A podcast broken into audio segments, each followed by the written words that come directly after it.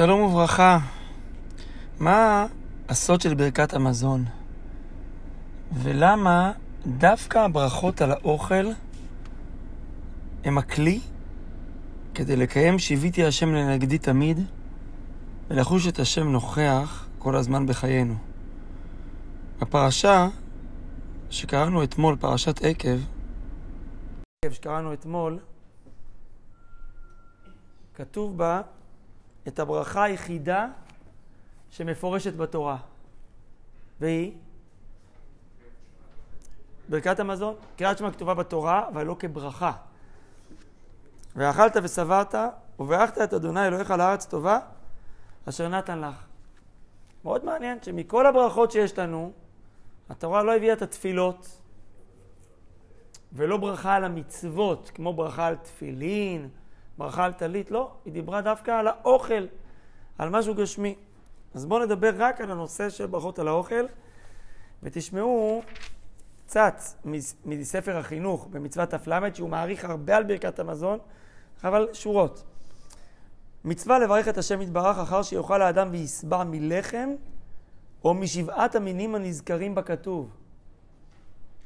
לפי ספר החינוך, מצוות התורה דיברה לא רק על לחם, אלא על שבעת המינים. כשהוא זן, ניזון מהם. ולחם סתם נקרא פת, העשויה מחיטה ושעורה.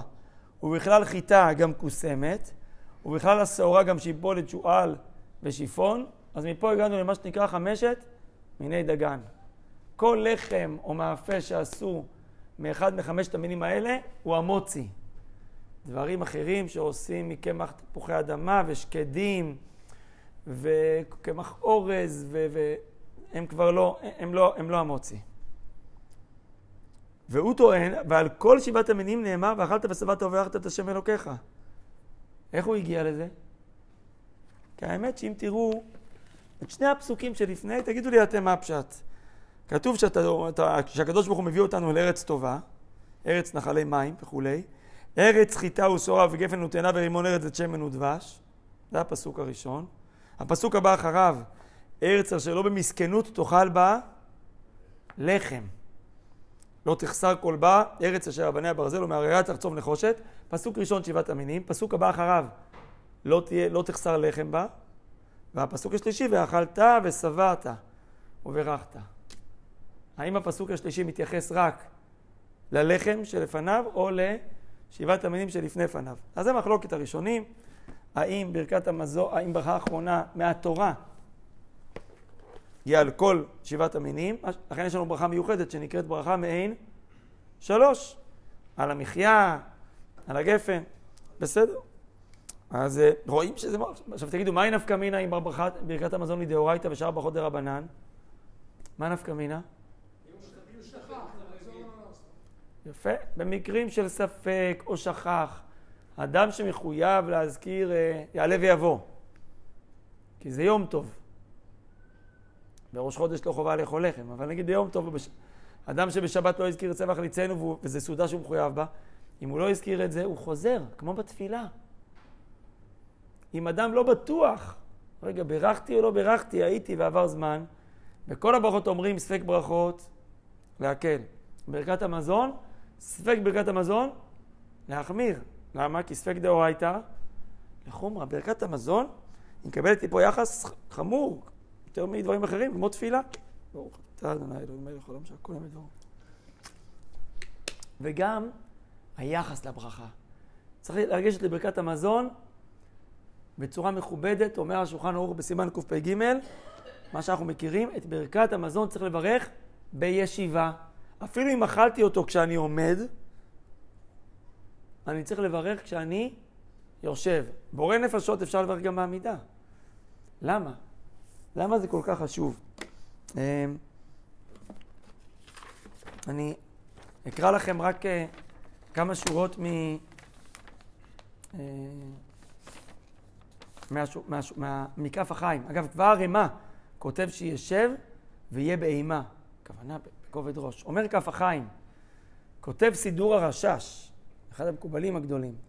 קודם ברכת המזון יכוון להכין עצמו לקיים מצוות עשה, לברך ברכת המזון, צריך לכוון לקיים מצווה. ביראה ובאהבה ובכוונה עצומה ובשמחה רבה ובטוב לבב להמשיך שפע וברכה רבה וחיות למלכות הקדישה ולכל העולמות הקדושים. טוב, הוא מדבר על עניינים עמוקים, אבל הוא אומר, ברכת המזון היא ממש לא דבר טכני, היא דבר שאם היינו יודעים כמה שפע הוא משפיע הלאה, אז היינו מברכים אותה בשמחה עצומה, כמו שהוא אומר, ובכוונה גדולה. אה, והבן איש חי אומר שלפני ברכת המזון להגיד ישם איחוד, זה ממש כמו לעמוד לשמונה עשרה. ממש אה, ככה. ומוסיף ספר החינוך דבר מעניין, שהוא לא אומר על כל מצווה, סגולות. הוא אומר בסוף המצווה פה, כך אני מקובל מרבותיי, ישמרם האל, שכל הזעיר בברכת המזון, מזונותיו מצוין לו בכבוד כל ימיו. אנשים מחפשים סגולות. הסגולות הכי טובות זה המצוות. לברך ברכת המזון במתינות, בזהירות. יש כאלה שאומרים מתוך ברכון, כי אז יותר אה, מכוונים ולא מפספסים מילה. עד כדי כך, ככה נתנו פה ערך לברכת המזון, לא לעשות אותה על הדרך. נכון, היא ארוכה. אתה אומר, וואי, בורא נפשות קצרה, הלאה מחדי קצרה, ברכת המזון ארוכה. אבל זו הברכה היחידה שיש לך מהתורה. אפילו את 18 ברכות שאתה מתפלל, מי תיקן אותם? חכמינו, אנשי כנסת הגדולה. זה ברכה מדאורייתא.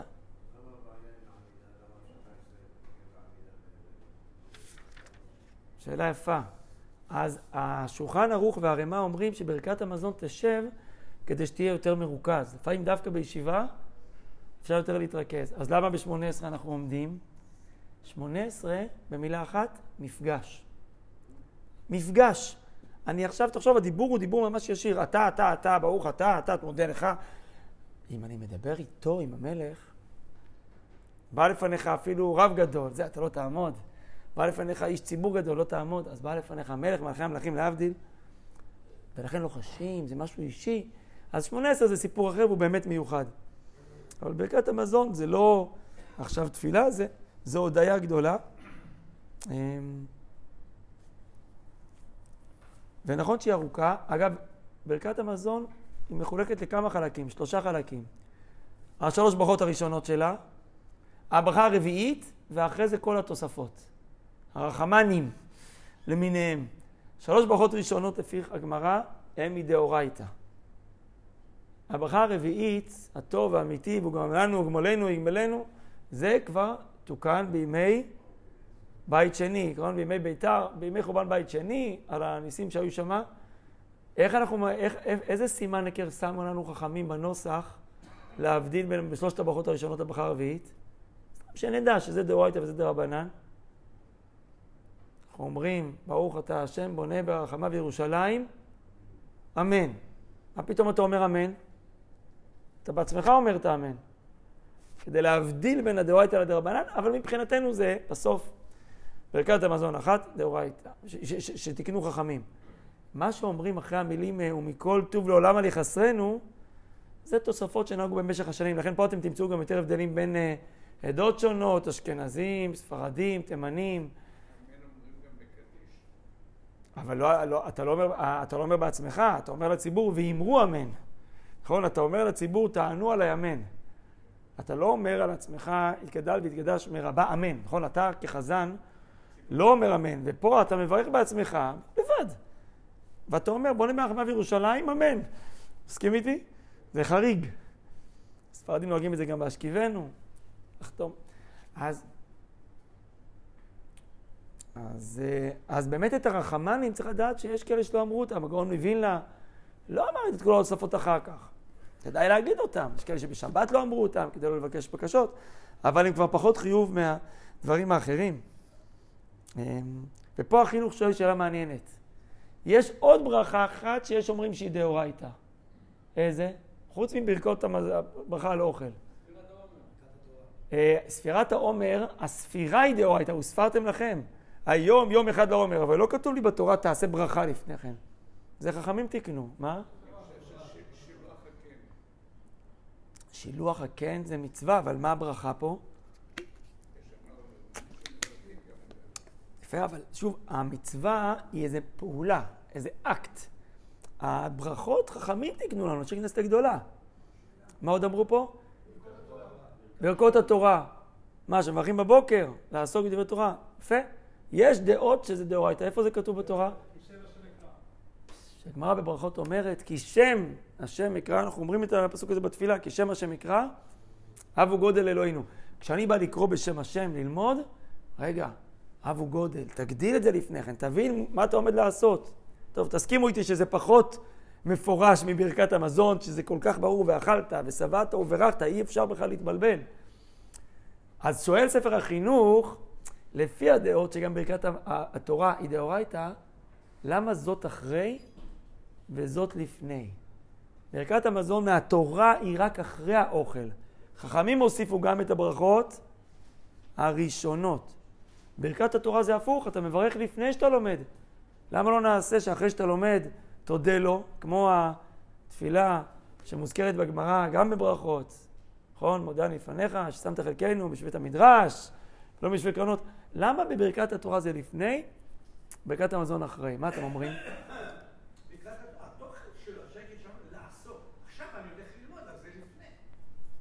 ובאוכל? באוכל אחרי. רגע, אז אתה יודע לפני, אני עומד לאכול, המוציא לחם מן הארץ. למה התורה דיברה על מי שכבר שבע ומברך אחרי? אולי, ת, תקבע לנו מצווה להודות לפני על האוכל, מה שאנחנו עושים.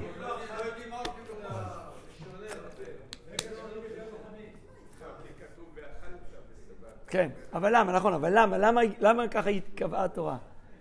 מה אומרים?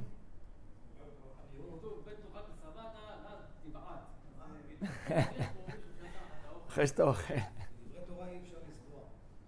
אה, למה? אתה אומר, תמיד רוצים עוד, יש טעם של עוד, אשריך. אז תראו, החינוך עונה.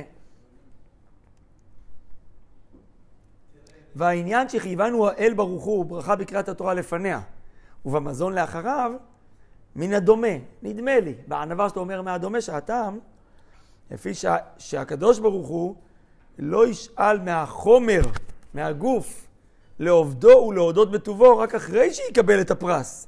כי החלק הבהמי לא יכיר בטובה רק אחרי ההרגש. אבל קריאת התורה שהוא חלק השכל, השכל יודע ומכיר, וקודם קבלת התועלת יבין אותו. על כן יחייבנו האל להודות לפניו קודם קריאת התורה. אתם אמרתם את זה חלקכם. לימוד התורה נעשה בדעת. אני מבין שאני עוסק פה בדבר חשוב. הבטן לא מבינה דיבורים. תשמע איזה אוכל יפה, אני כבר שבע. לא, לא, לא, לא, לא. כשאני, כשתיתן לי להתחיל לאכול, אז אני ארגיש ששבעתי, שרווח לי. החומר מכיר חומר. אז הברכה, הברכה העיקרית, כששבעתי ואני מודה, השכל הוא יותר מפותח. אתה יכול להבין את הערך של הלימוד כשאתה ניגש ללימוד, ואדרבה, ככה ראוי. כי שם השם יקרא, אבו גודל, אלוהינו. טוב, יפה מאוד. זה באמת ההבדל. אבל החכמים באו ואמרו לנו, איך אתה יכול להכניס משהו לפה בלי להגיד תודה? מה, נכון, אז זה לפני, אבל לפעמים אני בא לאנשים הביתה לאכול, מתיישב אצלם בבית, אני אומר, כשהם מתחילים את הסעודה, תודה רבה. תודה רבה על הסעודה. אז מה לפעמים אומר לי בעל הבית? חכה, לא אכלת. בסוף תגיד לי תודה. אבל אני, בסדר, זה דומה לברכת המזון, בסוף. אבל המינימום, מישהו עושה לך חסד, תכיר תודה. רבי יהודה הלוי בכוזרי אומר משהו מרתק. הוא אומר, הברכות מביאות לאדם יותר הנאה. הברכות על האוכל הן יוצרות חיים יותר שמחים. מה הקשר? אדם שאין לו יהדות, אין לו, אין לו את שמירת דיני ברכות, הוא אוכל כי זה צורך חיוני, בסיסי. אני אוכל כי אני רעב, או אני אוכל כי זה נראה לי טעים. זה דבר כל כך בסיסי, אלמנטרי. אוכלים. אדם יהודי בא לאכול, הוא פתאום רואה את הגיוון. רגע, יש לי פה שתייה. אה, שהכול. ויש לי פה איזה פרי טוב, פרי קיץ ככה, פירות עכשיו בקיץ, משובחים. העט, ויש לי פה משהו שהוא מזין. בורא מיני מזונות. מי שמברך ושם לב מה הוא מברך, אומר הכוזרי, הוא לא רק יותר חי בהכרת הטוב להשם, שזה בסיס, אלא גם הוא חי חיים יותר עשירים.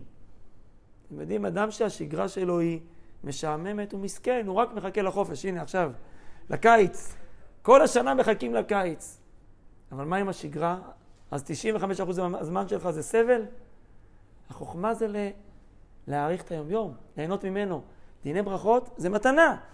אתה בא ואתה יכול לקחת את הדברים הכי פשוטים, לחם ומים וחטיף ו- ופרי, ולהודות עליהם.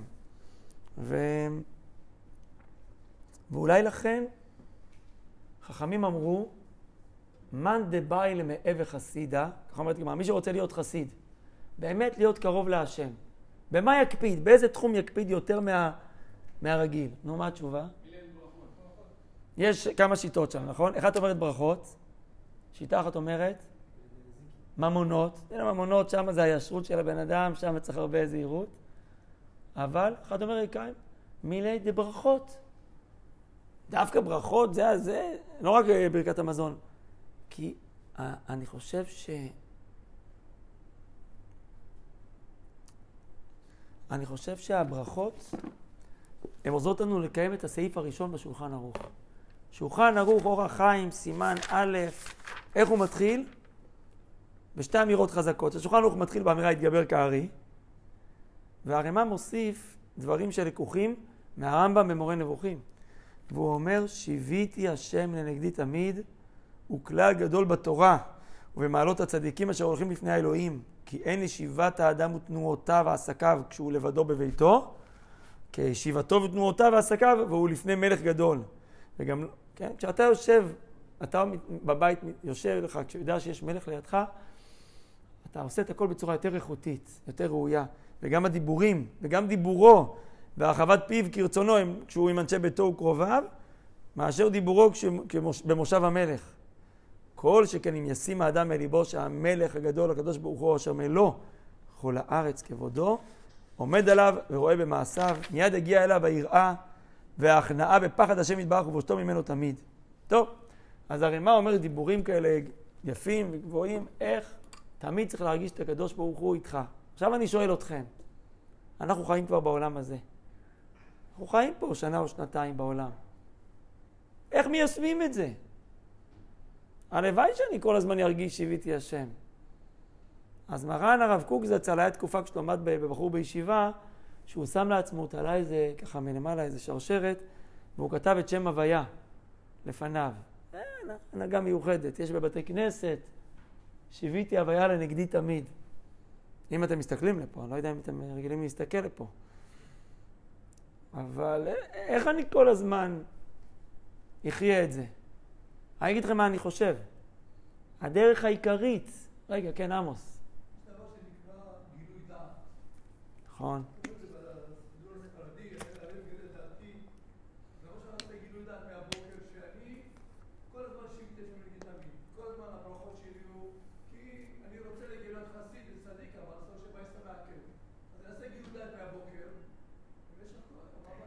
תשמע, זה, זה מרתק מה שאתה אומר, כי יש כאלה שכתבו, גם בן איש חי ועוד, שאנחנו מנסים להכניס מודעות לחוסר מודעות שלנו. אנחנו יודעים שקשה לנו במשך היום בכל רגע, ואפילו שכבר מברכים את השם, לפעמים לכוון, והרי כתוב בשולחן ערוך בסימן ה' שאדם צריך לכוון בכל שם השם, שהוא אדון הכל, היה הווה ויהיה.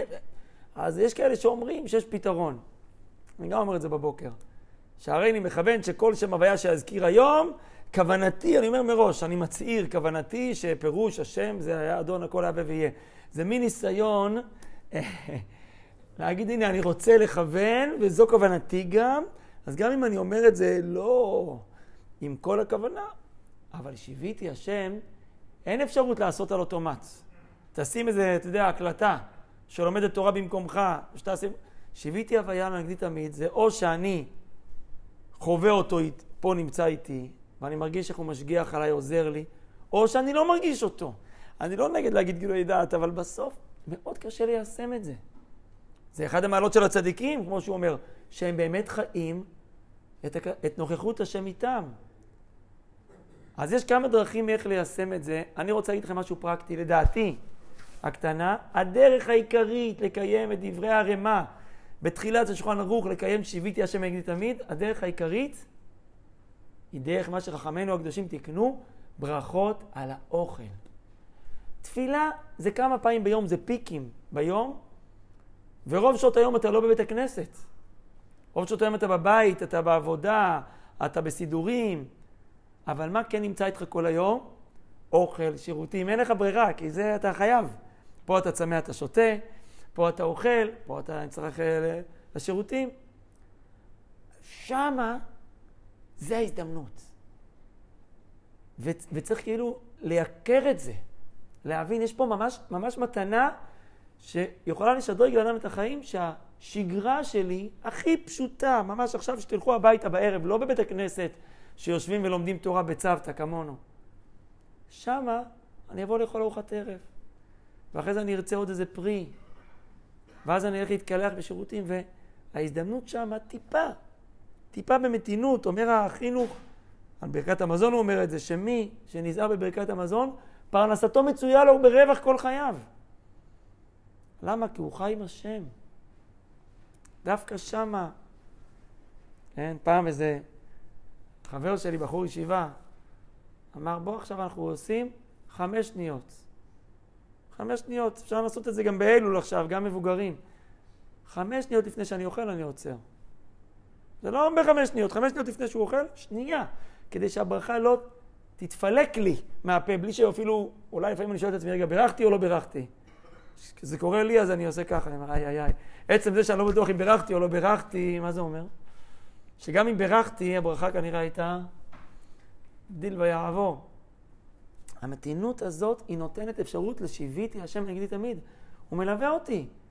הנה, הוא עוזר לי שהגוף שלי תקין, זה קשור לברכת אשר יצר. בסוף יש לי פה אוכל ושתייה, מה יש לי להרגיש? חסר לי, יש לי איזה חוב... יש לי היום אוכל, יש לי שתייה, טעים לי, נעים לי, ברכה ראשונה, ברכה אחרונה. אני חושב שזה אחד הדברים הכי אה, אה, גאוניים שחז"ל באו ועשו לנו, שיהיה לנו בשורות טובות, שורות